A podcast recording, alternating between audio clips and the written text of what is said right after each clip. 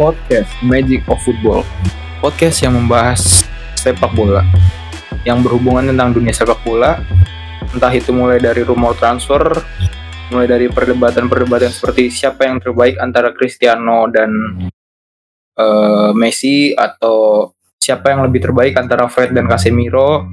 Terus juga membahas tentang pembahasan-pembahasan menarik lagi. Seperti apa lagi sih, Tim? Ya, bahasnya intinya seputar info sepak bola lah intinya ya. mah. Tuh. Tapi sebenarnya ini Dre. Kenapa? Tadi yang lu bilang debat terbaik ada yang kurang satu. Apa tuh? Antara Chopo Golding and Martin Gold White. Oh iya benar benar benar. Termasuk jadi bahasan yang menarik juga ya. gitu. Dan seperti biasa kalau podcast The Magic of Football itu uh, ada dua orang yang akan selalu menemani dalam episode tersebut ya tim ya. Yo iyo. Ada siapa aja di sini? Ya ada saya penerusnya Clement Lenglet, Tim Arden dan rekan saya. Vinicius Ballon d'Or Anja alias Andreas Royando. Dan ya sekarang kita di episode berapa tuh episode 4 ya? Kita tuh episode 4 cuy. Benar. Episode 4 di season ke tiga. Tiga. Asik udah season 3 nih episode keempat. Dan kebetulan di episode keempat kali ini episode keempat kali ini kan kita take pada tanggal 20 September. Yang di mana e, minggu lalu itu adalah match day pertama dari liga liga apa tim? Champions Eropa. E, betul. Yang di mana di match day pertama Liga Champion aja sudah banyak pertandingan-pertandingan yang menarik untuk disaksikan gitu. Meskipun meskipun agaknya sudah terlalu masih belum terlalu lama ya, masih bisa dibahas kali ya tim ya. Iya, masih belum terlalu lama lah. Belum terlalu hmm. lama, tapi topik-topik ini masih bisa untuk pembahasan dari episode 4 kali ini ya tim. Iya, benar itu. Ini akan jadi topik utama. Kita akan nge-recap match-match yang kita tahu yang gak harus big match aja mungkin kalau ada match lain yang di antara kita kita tahu ini matchnya gimana, keseruannya gimana itu juga bisa kita bahas. Betul, bagus, bagus, bagus. Ya, tapi uh, sebelum masuk ke topik, sebelum masuk ke topik, biasanya kalau dalam kalau kalau sebelum pertandingan kan ada pemanasan dulu ya timnya. Pasti. Nah, mungkin kita mulai dari pemanasan dulu aja kali ya. Pemanasannya berarti kita bahas. Tapi, tapi gini, sebelum mulai pemanasan, bolehlah dari salah satu dari kita kasih tebak-tebakan dulu biar asik. Sekarang udah waktunya kita pemanasan tim. Pemanasan dulu dong, biar nggak cedera, uh, biar nggak sakit gitu. Karena kan ada yang iya. kemarin yang udah tahu sebenarnya sebelum lagi pertandingan udah sakit, tapi sama pelatihnya masih dipakai. Ada. Iya. Aduh, siapa sih itu? Siapa sih itu? Kocak bener dah. Gitu. Kocak Oke, kita mulai aja pemanasannya tim. Apa nih tim? Dari lu dulu lah. Oke, gue dari info ini infonya baru baru sehari atau dua hari lalu gitu dari apa tuh? Ya resmi ketiga klub yang tak pernah degradasi di menolak CVC, menentang CVC lah dari usulannya Javier Tebas. Ada tiga klub ya, yang menolak. Barcelona, Athletic Bilbao sama Real Madrid. Oke. Ih, baru tahu gue Atletic, Atletic Bilbao. Gitu. Atletic Bilbao menolak CVC. Iya. Menentang lah intinya mereka bertiga sudah menentang itu kebijakan CVC. Gue kira salah uh, maksudnya kalau Madrid sama Barca kan emang sudah digembor-gemborkan media juga. Maksud maksud hmm. gue gue kira salah satunya tuh yang ketiganya itu Atletico. Ternyata itu Atletic Bilbao kan ini kan yang gue bilang klub yang gak pernah degradasi sedangkan Atletico pernah degradasi Iya, maksud gue dikira yang menentangnya itu adalah salah satu hmm. dari bagian saudaranya Real Madrid juga gitu. Ternyata tidak. Atletik Bilbao ya, yang menolak ya. Yo, okay. Tapi lagian juga Bilbao gue rasa nggak butuh sih, karena emang nggak butuh. Mereka juga jarang transfer pemain dan keuangan mereka juga stabil aja karena mereka emang pada dasarnya mereka klub yang super hemat sih. Atletik Bilbao. Iya, Bilbao. Tuh mereka juga kalau ngambil pemain juga ini dari basket juga kan mereka peraturannya kayak gitu filosofi sih lebihnya pemain dari negara mana aja nggak apa-apa silakan main basket gitu misalkan ada darah basketnya Oke. Oke, ada lagi nggak tim? Udah itu aja tim pemanasannya. ya ada dari Serie A Brazil sih ini Seri A Ya, Brazil. Oh ya Brazil. Oke. Dani Alves resmi putus kontrak dengan apa tuh klub Sao Paulo ya secara nggak langsung ya Alves bisa lah sama klub Brazil ini Emang gara-gara apa tim? Masalahnya gara-gara apa? Kalau nggak salah tuh masalah masalah gaji sih kalau nggak salah Gaji. ya? iya kalau nggak salah ya Ya ya ya. Ya betul. Kalau kalau masalahnya Dani Alves gara-gara gaji eh, dia minta naik ap- apa ya? Minta naik gaji kalau nggak salah. Terus klub tidak tidak meresmikan lah, tidak tidak menanggapi dan dia ya udah akhirnya keluar gitu. nggak diizinin sih lebihnya ya Ya nggak dikasih. tapi ini sih kalau Alves minta juga emang layak aja sih Layak apa? Layak untuk dapat lebih gitu. Iya karena kontribusi dia juga oke, apalagi dia sekarang dimainin di gelandang kan dia banyak supply bola juga dengan baik sih selama di Sao Paulo juga. Supply bolanya ya masih oke sih, masih seperti dulu gitu. Oh. Tuh. Wow juga ya. Dan gua harap sih Dani Alves bisa ke Liga Inggris lah karena secara kebugarannya juga masih oke. Iya iya iya. iya. Kalau enggak ke mana ya? Ya ke Liga Ya, ini- Jerman tuh ke Wolfsburg, kalau enggak ke mana ke Liga Jerman sekalian. Tapi tapi kalau gue sih lebih setujunya ke Liga Inggris sih. Meskipun meskipun Iya. hitungannya Dani Alves tuh belum udah udah umur tua tim tapi tim. Tapi Cuma emang selama karirnya ini sih, selama karirnya yang paling berkesan buat gua tuh Alves, Cristiano Ronaldo, ah itu kenapa kenapa? dia pernah ngolongin Cristiano Ronaldo di Camp Nou Oh ngolongin. waktu 2013 silam. Iya iya iya iya. Itu itu sih gua ngeliatnya kayak kaget aja sih, gila sih itu orang. Oke. Tapi tapi gini tim gue nanya. Kata lu kan eh, semisal dan lu berharap Dani Alves pergilah ke liga yang Eropa gitu. Dan, Hmm. dan pertama liga yang lu bilang adalah liga Inggris. Emang dengan umur yang segitu, tapi permainannya masih bisa masuk tuh permainannya. masih cuy dia tuh kan ini secara fisik oke, stamina juga ya masih stabil aja, kebu- Kebugaran, masih oke. oke. Apalagi dia juga apa ya pemain yang trofinya paling banyak selama karirnya. Mm-mm. Dan dia adalah satu-satunya pemain yang bisa mengoleksi, eh bukan mengoleksi sih, yang meraih tujuh trofi dalam setahun. Oh, Jadi waktu di Barca sextuple, habis itu tambah lagi di Brazil dia menang Piala Konfederasi. Iya iya iya. Dan yang perlu perlu lu ketahui, Piala Konfederasi ini merupakan kompetisi pra Piala Dunia, pra Piala Dunia gitu. Oke. Itu sayang aja sih di tahun berapa 2021 Piala Konfederasi nggak ada, sayang aja sih.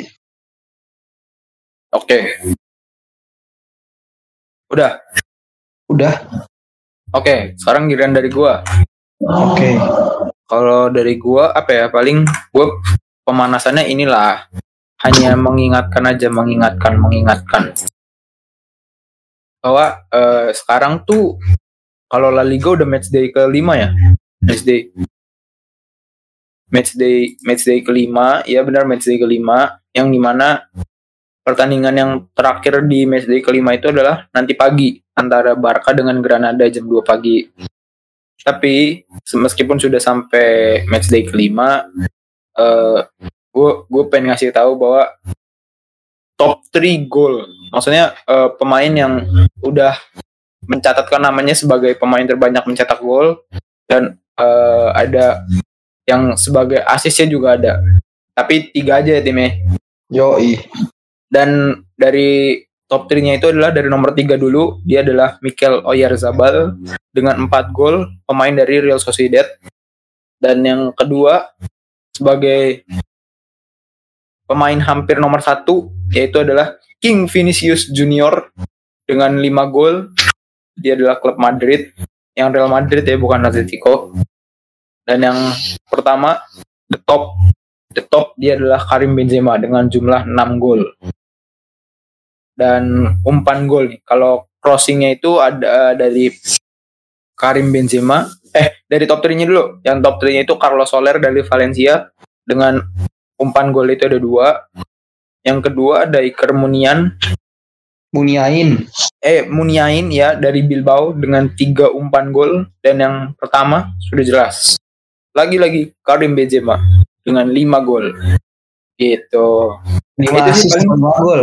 pemanisan dari gue iya gila Benzema dari gol sampai assist pun menguasai mungkin ini karena Oh, efek cross masih cedera kali mungkin Hmm. Tadi Kalau- itu Benzema berapa assist? lima Oke, sip. lima gila ini mungkin efek masih belum ada cross aja nih Tapi gini mungkin bisa lebih gila lagi tapi gua rasa ya Andre, hmm. ada walaupun ada cross Benzema mungkin tetap bakal banyak buat assist juga sih.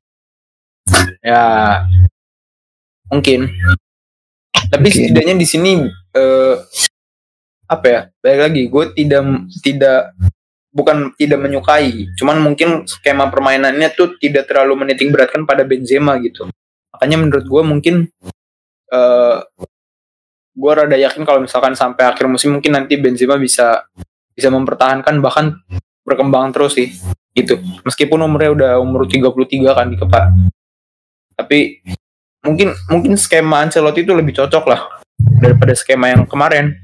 Iya, tapi yang kemarin tuh bagusnya defendernya malah lebih solid gitu bagusnya ya. ya. Ya kita lihat aja Ancelotti yang akan datang kita tunggu. Karena ini masih match day 5 lah. Masih terlalu dangkal untuk eh, menilai gitu. Ya nggak sih? Yoi. udahlah paling gitu aja dulu pemanasannya. Dan sekarang kita langsung masuk ke topik ya Timi Langsung. Nah, tapi sebelum kita masuk ke topik, karena topik kita kan akan membahas tentang eh ini Liga Champions kemarin yang terjadi di minggu kemarin, dan kita akan membahas di topik di episode ini. Tapi sebelum kita masuk ke topik, gue ada ada satu pantun dulu. Jadi gini bunyinya. Di sini ada bola, di sana ada bola. Pastinya membahas sepak bola. Selamat datang di podcast bola bukan box to box tapi keajaiban sepak bola. Anja. Cakep.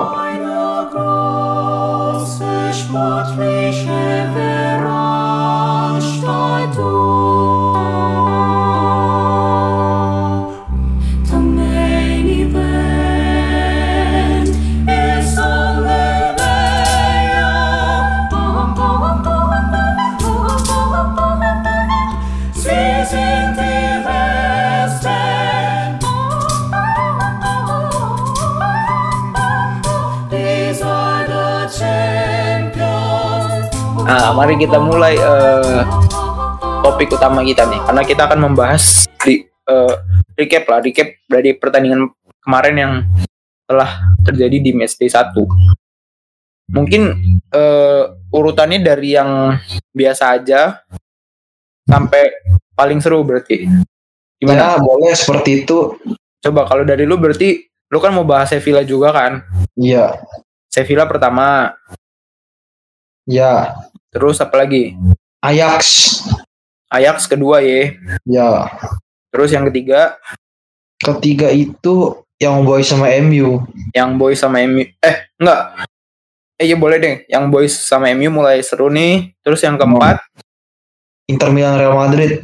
boleh dan yang terakhir baru Barca Bayern ya. Yo, ya Barcelona Bayern Eh enggak yang terakhir dua terakhir Barcelona Bayern Munchen sama Liverpool AC Milan. Oh, berarti closingnya di Liverpool Milan ya. Iya, sisanya ya sedikit rangkuman aja. Ya, se- ya sedikit-dikit aja lah, jangan banyak-banyak. Iya. Ntar kalau banyak kenyang yang ada cuy. Betul. Oke. Berarti karena sudah sudah masuk ke topik langsung aja dimulai nih tim dari Timi dulu karena kan Timi yang menonton Sevilla Sal- Salzburg sedangkan saya di kala itu lagi nonton MU lawan Young Boys gitu boleh tim mulai dulu nih dari Sevilla Salzburg lu doang nih Sevilla Iya. Salzburg Oke deh. Ya, Sevilla Salzburg sebenarnya secara squad Sevilla harusnya diunggulkan sih harusnya. Apalagi mereka juga punya penyerang yang lumayan oke juga. Mm-mm. Habis itu apa ya? Ini matchnya itu tempo permainannya biasa aja sih kalau gue lihat sama rada alot juga. Dan yang gue sayangkan tuh apa ya Sevilla tuh tiga kali buat kesalahan men. Tiga kali. Di kotak penalti itu penalti jadi tiga kali. Buat Salzburg. Dan duanya nggak gol. Hmm. satunya gol. Yang pertama nggak gol. Kedua gol. Ketiga nggak gol. Dan yang gue ingat itu terjadinya penalti itu waktu si Bono kipernya Valen Ko Valencia Sevilla nabrak pemain ini Salzburg. Itu. Oh iya. Itu pas nabrak cedera nggak pemain Salzburgnya? enggak cuy aman-aman aja Oh aman-aman aja. dan di sini gue liat defendernya Sevilla kayak masih kurang gitu lah kayak kurang Dari gitu. Sevilla. iya kayak kurang gitu sama ritme serangan tuh kayak kurang hidup aja ya berarti secara nggak langsung di sini Rakitic lagi belum perform sih kalau Salzburg ini kemarin gue lihat juga mereka bermainnya solid sih apa dan dan yang gue ingat itu ancaman paling bahaya tuh ini sih dari Salzburg itu. Waktu si Bono udah maju kiper Sevilla udah maju nah bola udah lolos tuh. Habis itu gawang kosong malah nggak gol. Itu sayang banget. Sayang banget sih. Hmm. Oke. Habis itu ini ya akhirnya Sevilla juga dapat penalti dan gol si Rakitic untungnya gol Iya iya. dan di sini Sevilla bisa dibilang ya mainnya belum bagus lah. Bayangkan aja mereka nge-shoot 11 on target cuma dua berarti efektivitasnya rendah banget sih. Dan possession ball pun mereka kalah Siapa yang kalah? Sevilla. Padahal Hmm. mereka masih dilatih Lopetegui kan Sevilla ya. Oh. Kayaknya iya dah. Iya ini sayang banget sih. Lopetegui, Argote. Padahal Lopetegui ini apa ya pelatih yang hebat dalam permainan possession tapi kenapa bisa-bisanya apa ya dari possession ball kalah sama Salzburg tapi ini ya bukan masalah utama sih. Jadi intinya ke depannya harus diperbaiki sih Sevilla. Dan gua harap Sevilla ya bisa lolos lah ke 16 besar. Mm-mm. Dan gua harap sih bersama OSCL itu sih lolosnya. Ya walaupun OSCL-nya juga lagi terseok-seok di Liga Perancis tuh hancur banget bener. Gue inget OSCL tuh kalah 4-0 sama Olympique Marseille pas itu di kandang sendiri. Wow. Hancur banget berarti ya kemarin itu. Bukan kemarin juga sih, beberapa minggu lalu lah. Hmm. Dan yang paling konyol tuh waktu strikernya Sevilla, Yosef El Nesri, Iya. diganjar kartu merah. Itu dia ngapain diving men di depan gawang. Padahal tuh kalau dia nahan bola, abis itu dia nyari orang, abis itu orangnya dapat bola kan bisa ngegolin lagi itu Sevilla. Sayang banget men. Aduh. Ini harusnya kartu merahnya nggak terjadi sih har- harusnya. Cuma ya karena kekonyolan pemain ini, ya udah mau nggak mau kartu merah. Dan ini gue baru pertama kali ngeliat orang udah diving kena kartu merah gitu. Ya karena sebelumnya kena kartu kuning sih, jadinya pas diving ya udah red card diusir. Hmm. Dan yang gue sayangkan kenapa di sini Munir gak main Munir. ngebongkar pertahanan ya lumayan oke. Oke. Lukas Ocampos kenapa dicadangin? Ocampos nih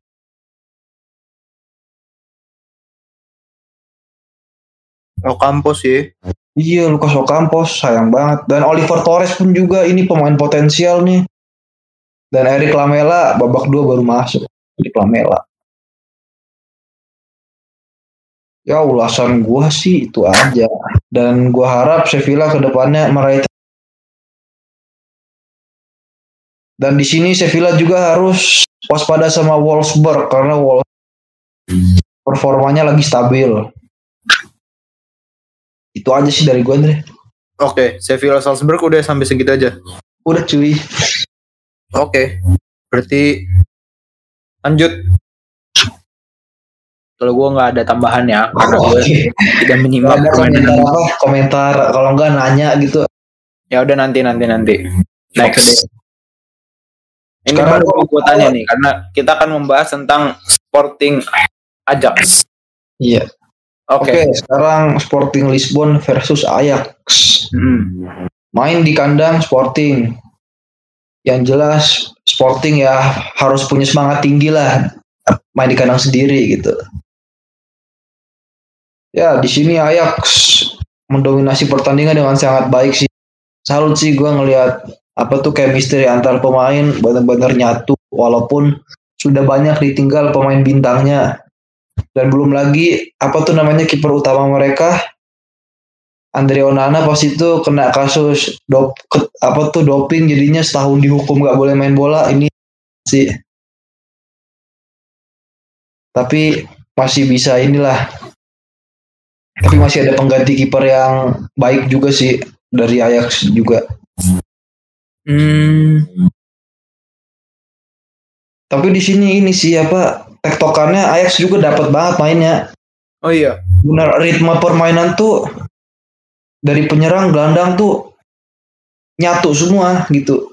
Dapat banget itu ritme permainannya. Dan di Oh, sini mantan pemain West Ham Quatrik wow luar biasa men dan kalau nggak salah dia tuh jadi top skor deh jadi top skor yang pertama gitu kalau nggak salah Iya. Iya, iya. dan di sini mereka mendominasi pertandingan dengan possession ball 54 banding 46 ya ini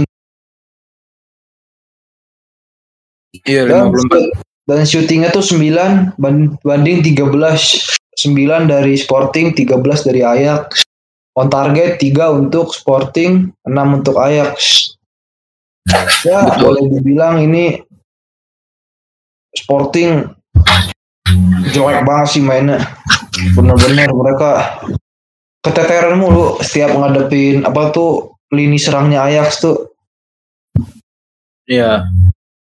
dan gua harap untuk Ajax ke depannya jika udah punya banyak pemain bintang ya jangan dijual-jualin lagi deh. Contohnya contohnya Frankie Diong. Ah, tapi Frankie Diong nggak apa-apa. ya karena ke Barca. Iya, depannya Van de Beek. Siapa Ya, lagi ya? Van de Beek, Hakim Ziyech, Matis Delik. Nanti sulit. Habis itu siapa tuh yang dijual ke dari Ajax ke Atalanta atau ke mana itu? Ah lupa gua. Atau gue pokoknya lupa, gitu lupa lupa. Jualin pemain jago-jagonya lagi. Ya mungkin mungkin hitungannya buat bisnis kali ya mikirnya ya, karena kan kalau di dihitung dari itu kan penjualan di tahun kemarin kalau nggak salah ya. Iya dua tahun yang lalu lah. Oh, dua tahun Dan yang lalu. kemarin juga ada. Iya, emang untungnya gede banget sih kemarin Ajax ngejual empat pemain itu gila. Iya sih, iya sih benar. Dan yang gue sayangin di sini Nicolas Tagliafico nggak main sih pak Tagliafico Tagliafico sebagai bek kanan ya. back kiri. Oh, bek kiri ya salah salah. Blin. Padahal ini pemain oke Dari- juga buat overlap, buat apa tuh namanya bangun serangan juga lumayan. Sayang aja nggak dipakai. Oke. Dan yang lebih sayang dia ini sih bukan pemain utama Ar- Argentina sih, kalah saing sama Acuna. Acuna dari Argentina dari Sevilla. Siapa? Ini Tagliafico kalah saing sama pemain dari Sevilla. Namanya? Acuna, Acuna. Akuna. Iya. Gak ada namanya tapi di sini. Sevilla. A C U N A tulisannya. Oh itu bu, maksudnya di Argentinanya. Iya di Argentina Oh, maksud gue gua. kira di Ajax. Bukan di Ajaxnya. Oke, terus apa lagi tim? Dan di sini David Neres baru masuk. Ya, ini secara nggak langsung Ajax juga baik sih Neresnya dicadangin. Kalau nggak dicadangin udah kebantai lebih banyak lagi. Tim. Pada soalnya Neres nih pemain yang jago dalam nusuk pertahanan lawan dan insting golnya ya lumayan oke lah. Oke, Dan gua harap Ajax juga bisa bisa bersaing di knockout stage. Ya setidaknya sampai quarter final lah setidaknya. quarter tuh 8 ya. Yo, apalagi pelatih mereka masih Erik Ten Hag yang di mana para pemain udah ngerti sistemnya si Ten Hag nih gimana. Oke, Maksudnya mayoritas pemain ya maksud gua iya iya. Gitu, Dre. Udah itu aja sih gua. Gue mau nanya sih, Apa nih? ini ini mungkin eh, sedikit ini bertanya dulu. Kalau sekarang tuh Pablo Sarabia di Sporting ya? Yang dari PSG ya? Iya, yang Spanyol. Oh, kayaknya iya sih Dre, soalnya kan ini sejak Messi masuk dia pindah karena udah sesek banget lini depan juga. Itu peminjaman atau gimana? Kayaknya jual sih, Udah dijual. kayaknya. Berarti Ya, targetnya kurang tahu pasti Dre. Kurang tahu pasti. Oh, makanya gue kaget kok tiba-tiba ada di ini, ada di mana? Di sini. Harusnya tuh orang mending ke Sevilla sih kata gue Pablo Sarabia. Balik Oh, ke ini. Ih balik ke tanah air aja mending. Ketahuan. Sepakat dengan PSG Sporting CP resmi dapatkan Pablo Sarabia. Begini sih Dre soalnya. Oh, kenapa? Bakat sebagus Pablo Sarabia itu kata gue sayang banget kalau mainnya di Liga Portugal. Gak Portugal. Iya, harusnya tuh main di La Liga harusnya. Iya sih. Ya bagus-bagusnya Liga Inggris lah bagus-bagusnya.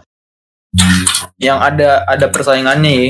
Iya, tapi La Liga juga udah cukup sih kata gue. Udah umur 29 ya, gue kira masih 23 24. Yang gue ingat dia tuh dulu di La Liga di Real Betis. Real Betis. Hmm. Hmm. Iya iya iya. Karena di Euro dia tampil impresif sih makanya Sporting mau ngambil juga ya. Ada ada pemikiran lah ya, kepikiran. Iya. Ya semoga bisa perform lah tahun depan di Piala juga. Semoga. Betul. Dan ternyata di sini adalah dia dengan status pinjaman. Berarti makanya gue pas itu denger eh, Barcelona masih kon kon oh, koneksinya ke PSG-nya gitu. Gitu. Oke. Oke dan terakhir ini nggak terlalu penting sih mungkin kekalahan Ajax eh kekalahan Sporting ini diakibatkan karena hadirnya Joao Palhinha. Sip. Next. Aduh. Itu yang sering dipakai sama pelatih Portugal ya. Iya si Fernando Santos kocak. Next. Tadi Oke, sabar sabar. Ini dan sekarang kita masuk ke top- topik yang ketiga ya. Eh topik yang ketiga, Eh, bagian tiga ya. Bagian ketiga tentang MU Young Boys ya. iya, ini kita anak muda laki-laki lawan setan merah. Betul. Mulai dari gue ya. Oke. Oke, karena kali ini gue sangat menonton, tapi nontonnya cuma di babak satu doang. Jadi gini, kalau buat Young Boys kemarin pertemuan antara tuan muda, eh eh, anak muda laki-laki, eh anak ya pokoknya anak muda lah. Eh yang hebatnya adalah Young Boys berhasil mendominasi selama satu babak babak pertama. Dan di babak itu juga MU cuma bisa menguasai bola intercept tapi eh, setelah intercept juga nggak terlalu dikuasai dengan baik ya jadi habis itu lepas gitu terus ketika habis di in- intercept MU yang boys sendiri pun berhasil meng- mengintercept lagi gitu. Jadi celahnya MU itu kecil lah. Dan yang gue lihat kemarin adalah eh, dari segi pemain akhirnya gue ngelihat the big bermain bersama bersama MU gitu. Dan eh, kerja kerasnya the big tuh kelihatan banget.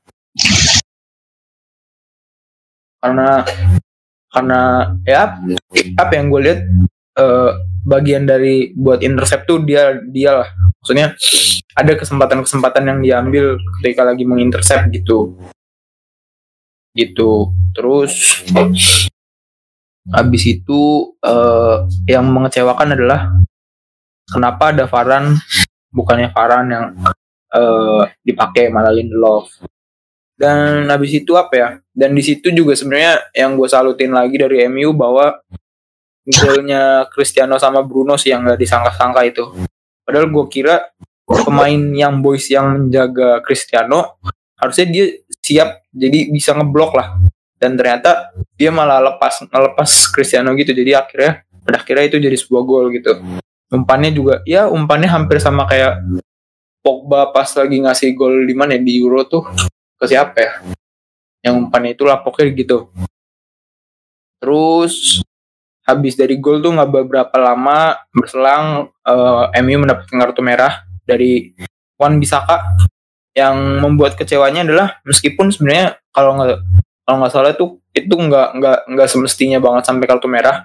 Paling mentok juga harusnya kartu kuning gitu.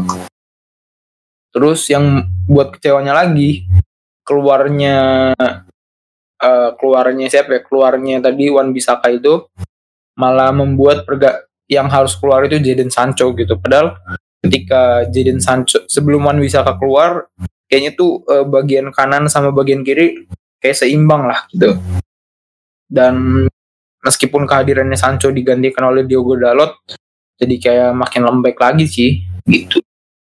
Dan ya seperti biasa kalau namanya Ole pasti akan memainkan pemain kesayangannya pemain dewanya yaitu Fred itu dulu sih kalau dari gue Oke, gua ada pertanyaan sih.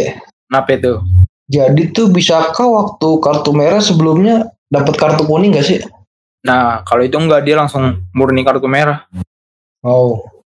gitu sih Tapi di sini MU kan shootnya dua sama on targetnya dua. Ini MU kebanyak 90 menit ya. kebanyakan apa Shootnya cuma dua, on target cuma dua berbanding sama sama yang boys Iya ngapain aja. Nah itu makanya gue bilang eh, selama babak karena kan kebetulan gue cuma nonton babak satu doang. Gue nggak nonton tuh di babak kedua. Jadi kebe- emang makanya gue itu kan on target dua. Itu tuh salah satunya dari golnya Cristiano kan. Yoi. Dan itu juga ya udah selama babak satu emang mereka yang boys yang megang terus bahkan bertubi-tubi juga kalau bisa dibilang emang yang boys terus bertubi-tubi untuk menciptakan sebuah gol gitu. Gitu. Dan di sini eh, apa ya back dari MU itu sendiri juga masih kadang suka kelepasan gitu.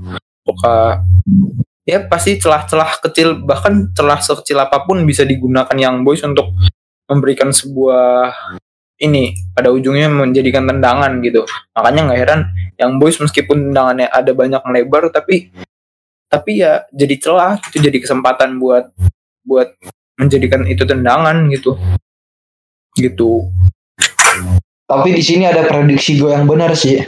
kenapa tuh Jadi beberapa hari sebelum match day 1 UCL, MU yang apa tuh yang boys lawan MU, gue ada prediksi ini kalau Lindelof bakal starter main. Ternyata bener Lindelof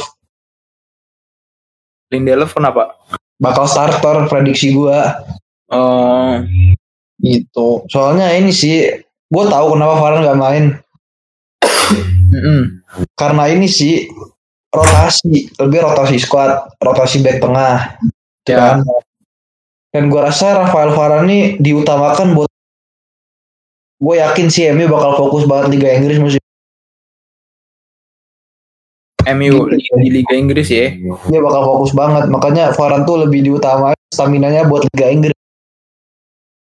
Hmm, gitu gitu ya ya dan ya gue rasa ya di grup stage ini Varane nggak akan terlalu banyak main sih. Ini asumsi gue aja. Nggak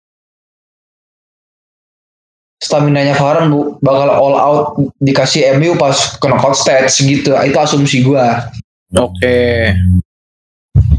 tapi kalau melihat dua lawan berikutnya Atalanta Villarreal sih berat juga men dan gue harap kan next lawan Villarreal ya. Iya. Gua harap ini match bakal seru banget dan bakal apa ya? Dan bak dan Villarreal juga bisa bikin kejutan sama ya bisa mengimbangi permainan MU lah. Mm. Dan gua harap Villarreal juga bisa melangkah jauh lah di UCL. Setidaknya sampai quarter final kayak setidaknya. Jadi ya nambah-nambahin kuda hitam lagi di Champions League ini. Hmm. Iya iya iya iya. sih yang paling kocak tuh momennya Lingardino lawan. Itu yang Asli, membuat sih. kesempatan ya. Iya cuy itu aduh nggak ngerti gua kenapa bisa kejadian ya. Hmm. Jadi terjadinya kesalahan Lingardino tuh waktu pemain MU pada miskom ya. Iya. Dan ada yang gue tahu lagi nih kenapa Bruno Ronaldo diganti lebih cepat. Kenapa tuh?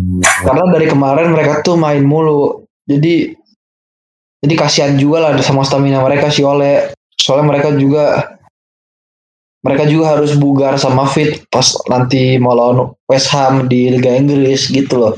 Biar nggak kehantam cedera ya. Lebihnya bukan cedera sih, lebihnya kecapean. Iya iya iya iya. Soalnya nggak mungkin men lu bisa pakai orang itu terus-terusan. Iya betul. Ya walaupun mereka sendiri pastinya mau main terus gitu. Heeh, benar. Ya. Makanya pada akhirnya eh apa lanjut dulu tim lanjut dulu. Kalau mau lanjut gue lanjut ke mana lagi arahnya ya? Udah. Itu aja. Pas match kemarin Gea mainnya gimana? De Gea. De Gea kemarin. Iya, iya kipernya. Aduh lupa, gue lupa eh. Eh, Apakah ada save krusial? Apakah ada apa ya? Ada apa tuh namanya? Hampir membuat kesalahan atau aduh, apa? gue lupa, gue lupa, eh, gue lupa, gue lupa asli. lupa lupa kalau yang ini lupa kalau yang ini lupa. Lupa tim lupa lupa. Alah, Tapi, tapi setelah match ini pada akhirnya Cristiano Ronaldo memperpanjang memperpanjang apa? Di Champions League. Rekor. Bukan rekor sih lebihnya catatan buruk aja. Oh, ya ya ya ya. Kalau rekor ya Cristiano hobinya bikin rekor baru lah itu beda cuy. Betul betul. Udah sih paling itu aja tim ya MU yang Tapi bagus ya. ada momen yang gua ini sih paling gua apa ya yang bisa membuat gua tertawa juga sih di sini. Apa tuh? Di mana Young Boys menang lawan MU berasa udah kayak juara UCL. Jadi gua mikirnya set deh batu banget ini klub ya menang lawan MU udah kayak juara UCL. Gua lihat Oh ini yang yang terakhir mereka selebrasi satu tim itu ya? ini satu squad pada lari-lari semua ke tribun. Ya, ya mungkin karena di situ ada efek Cristiano makanya bisa ngalahin Cristiano tuh mungkin ada kebanggaan. Ya meskipun nggak harus sampai segitunya mungkin ya. Iya sih ada benarnya loh Andre. Ya mungkin. Ya udahlah paling gitu aja. Ya pada Gitu. akhirnya MU harus lebih banyak rotasi lagi sih. Lagi-lagi Rotasi minggu ini kan main Piala Kebo lawan West Ham. oh piala kebo ya. Iya lawan West Ham lagi. Ya paling Mas Rizal sih main. Siapa ya, Mas Rizal anjing? Martial, Anthony Martial. Ya, iya iya iya. Baru tahu bangsat bangsat. Ya, pada akhirnya sih kalau kata gue sih apa ya, permainan kemarin tuh masih belum cukup lah kalau misalkan mau apalagi nanti day 2 lawan Villarreal kan hitungannya Villarreal mungkin makin ke sini makin solid gitu. Jadi ya ini kebanggaannya kebanggaannya Mas Ole ini harus diganti nih kalau enggak akan jadi ya gitu-gitu aja gitu. Terus tempo eh, cara permainan juga harus lebih dibaikin sih kalau enggak ya kalau lawan Villarreal nanti ya mungkin akan terjadi lagi kayak di final UEL kemarin gitu. Eh tapi kemarin si siapa tuh namanya si Van de Beek mainnya gimana dah? Itu yang gue bilang eh, ketika karena kan eh, ketika MU bermain dengan intercept kan intercept Nah di situ tuh ada peran The Big juga yang membantu untuk intercept intercept gitu lah. Makanya gue bilang meskipun dia di- dia kan diganti digantikan pada akhirnya meskipun dia dimulai dari starter tapi dia digantiin tapi dia di situ tuh kelihatan kayak berjuang keras banget bahwa dia membuktikan dirinya bahwa dia layak gitu cuman ya malah digantiin sama Varan posisinya kan aneh juga dari situ dari dari gelandang tiba-tiba ke Varan gitu Tapi itu secara nggak langsung jadi main 5 back gak sih? Jadinya waktu Van de Beek ganti Varane, Varane ditaruh belakang. iya dimundurin jadi pakai 5 back gitu kan terus mungkin pakai ti- tiga sama dua gitu di depannya Jadi secara nggak langsung waktu Van de Beek ditarik keluar berarti ritme serangan kayak ber mungkin diperkuat lebih ke ngedefense kali ya dan ritme serangan jadi apa? Jadi ngaco wasit. Mm. Ya, gitulah intinya. Harus Ya, tapi jangan dilupakan bahwa Maestro Fred ini juga punya peran besar. Peran besar akan kekalahan ya. peran besarnya ini kalau main bola kepleset sama dapat kebanyakan lost ball. Ya, bisa dibilang itu. Ya mungkin saran untuk eh, MU gitu kan. Yang di mana Zi- kalau Zidane kan sekarang targetnya targetnya lagi jadi pengen pelatih timnas. Conte nganggur lah, apalagi kalau misalkan Arsenal ngincar Conte kan eh, mungkin Arsenalnya nggak sanggup untuk membayar Conte ya. Tapi kalau misalkan MU menyang, eh, ingin mendatangkan Conte, kayaknya akan lebih bijak lagi gitu. Jadi Tapi ini sih apa? Conte sayang banget sih kalau nggak mau ke Arsenal, masa nggak mau nggak nggak udah nggak usah. Maksudnya MU masih bisa layak lah kalau untuk mendatangkan Conte gitu, apalagi dengan cara bermainnya dia yang menurut gue bagus juga gitu cara cara dia memberikan permainan gitu. Hmm, Mungkin hadirnya Conte, Lord Fred akan tersingkirkan. Oke, kar- karena hadirnya Conte menguntungkan buat Buat? Matic. Iya, Matic. oh buat Matic karena satu negara, Bukan satu negara, beda negara mereka. oh, beda negara. Karena Iya. ini waktu di Chelsea Conte sering pakai Matic gitu, Andre. Oh, lebih lebih mungkin udah kecocokan ya. Iya, jadi apa tuh mereka ada chemistry juga Oke. Ya, dan dan apa tuh chemistry me- mereka juga mungkin punya impact yang besar. MU Betul, sendiri. udah paham lah gimana Matic dengan Nah, strateginya si Conte gitu. pasti itu. Ya, jangan terlalu lama-lama lah MU sama Ole terus gitu kan. Masalahnya eh, Chelsea aja tuh cepet ganti pelatih makanya bisa ganti ju masa bisa juara juga gitu. Masa MU nggak ganti-ganti pelatih udah mau udah empat tahun nih bos nggak nggak nyentuh trofi bos Kasihan. sian kasihan udah tim Udah. paling lanjut deh ke bagian berikutnya Ya, berikutnya ada Inter Bagian- Milan versus Real Madrid. Inter Milan versus Real Madrid Ya, Eh, oke mulai dari gue lagi nih ya yoi. Inter Milan versus Madrid. Eh gimana ya kalau bisa dibilang Inter Milan versus Real Madrid dan ini kali pertama gue menonton eh, dari tak apa ya kali pertama gue melihat Ancelotti melatih gitu dan menggunakan taktik Ancelotti bersama Real Madrid. Cuman ya baru pertama kali gitu. Kalau di level liga belum sama sekali dan belum ada lihat sama sekali. Jadi ya kalau ngelihat dari permainannya kemarin sih kayak apa ya? Kayak biasa aja, masih biasa aja gitu. Permainannya lebih lebih menggunakan bertahan ya, terus berharap counter attack. Dan yang gue salutin di situ ada Alaba, gila Alaba juga. Alaba bermain dengan bagus, bisa bisa jadi dua tembok lah. Kenapa dua tembok? Karena Alaba bermain juga bagus dan satu lagi yang pengen gue puji adalah nggak tahu kemarin entah kenapa ketika Inter eh, Madrid ketemu Inter sang kiper dari Madrid ini seperti kerasukan killer nafas gitu. Dia eh, bahkan tendangan yang hitungannya itu bisa jadi sebuah kontribusi yang menjadi eh, dialirkan menjadi gol tapi bisa dia save gitu kan. Wah gila sih Thibaut Courtois. Gitu. Terus eh, apa lagi ya? Madrid Inter it- eh, Madrid masih masih belum terlalu membuat permainan-permainan yang bagus lah. Sedangkan berbeda sama Inter. Kalau kalau Inter itu dia lebih gimana ya? Di game itu lebih mendominasi gitu. Oper-operan terbuka, crossing juga sangat bagus-bagus gitu kan. Dan, dan yang hebatnya dari Inter ini eh, mereka bisa bisa bisa ngebagi mana buat nyerang, terus juga mana bisa buat bertahan. Dan yang hebatnya lagi, Inter juga berani buat mancing tuh. Jadi ketika eh, mereka bertahan buat mancing biar Madridnya maju semua, terus nanti dialirin ke depan gitu. Dan hebat sih kayak gitu. Gue kira ketika eh, yang memegang Inter ini adalah Simeon Inzaghi itu, Simone Inzaghi, gue kira eh, ekspektasinya nggak bakal sama kayak ketika Antonio Conte melatih Inter Milan gitu.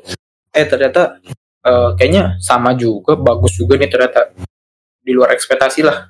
Keren lah kemarin antara Inter sama Madrid. Cuman kalau dari Madrid kayak masih biasa aja lah. Cuman di sini Eder Militao, Federico Valverde keren sih perannya, jago jago jago. Meskipun kadang kalau dari dari bagian tengah eh, apa ya eh, masih suka salah ngumpan ataupun salah oper gitu. Dan satu lagi nih kalau dari eh, Madrid Madrid kan sekarang lagi lagi ada salah satu pemain gelandangnya yang lagi cedera yaitu Toni Kroos. Ketika gua gua ngelihat ini kelihatan banget kayak ada lubang besar lah dari Madrid.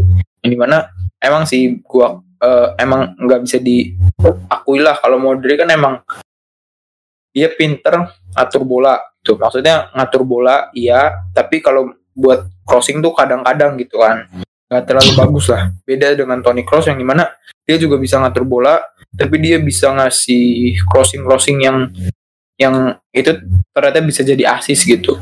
Gitu. Dan di game ini itu nggak kelihatan gitu. Makanya menurut gue ini jadi lubang yang besar sih. Dan makanya rada, rada eh, Madrid di sini lebih mengandalkan overlap daripada tidak ada crossingnya dikit lah gitu intinya. Gitu deh. Kalau dari gue itu dulu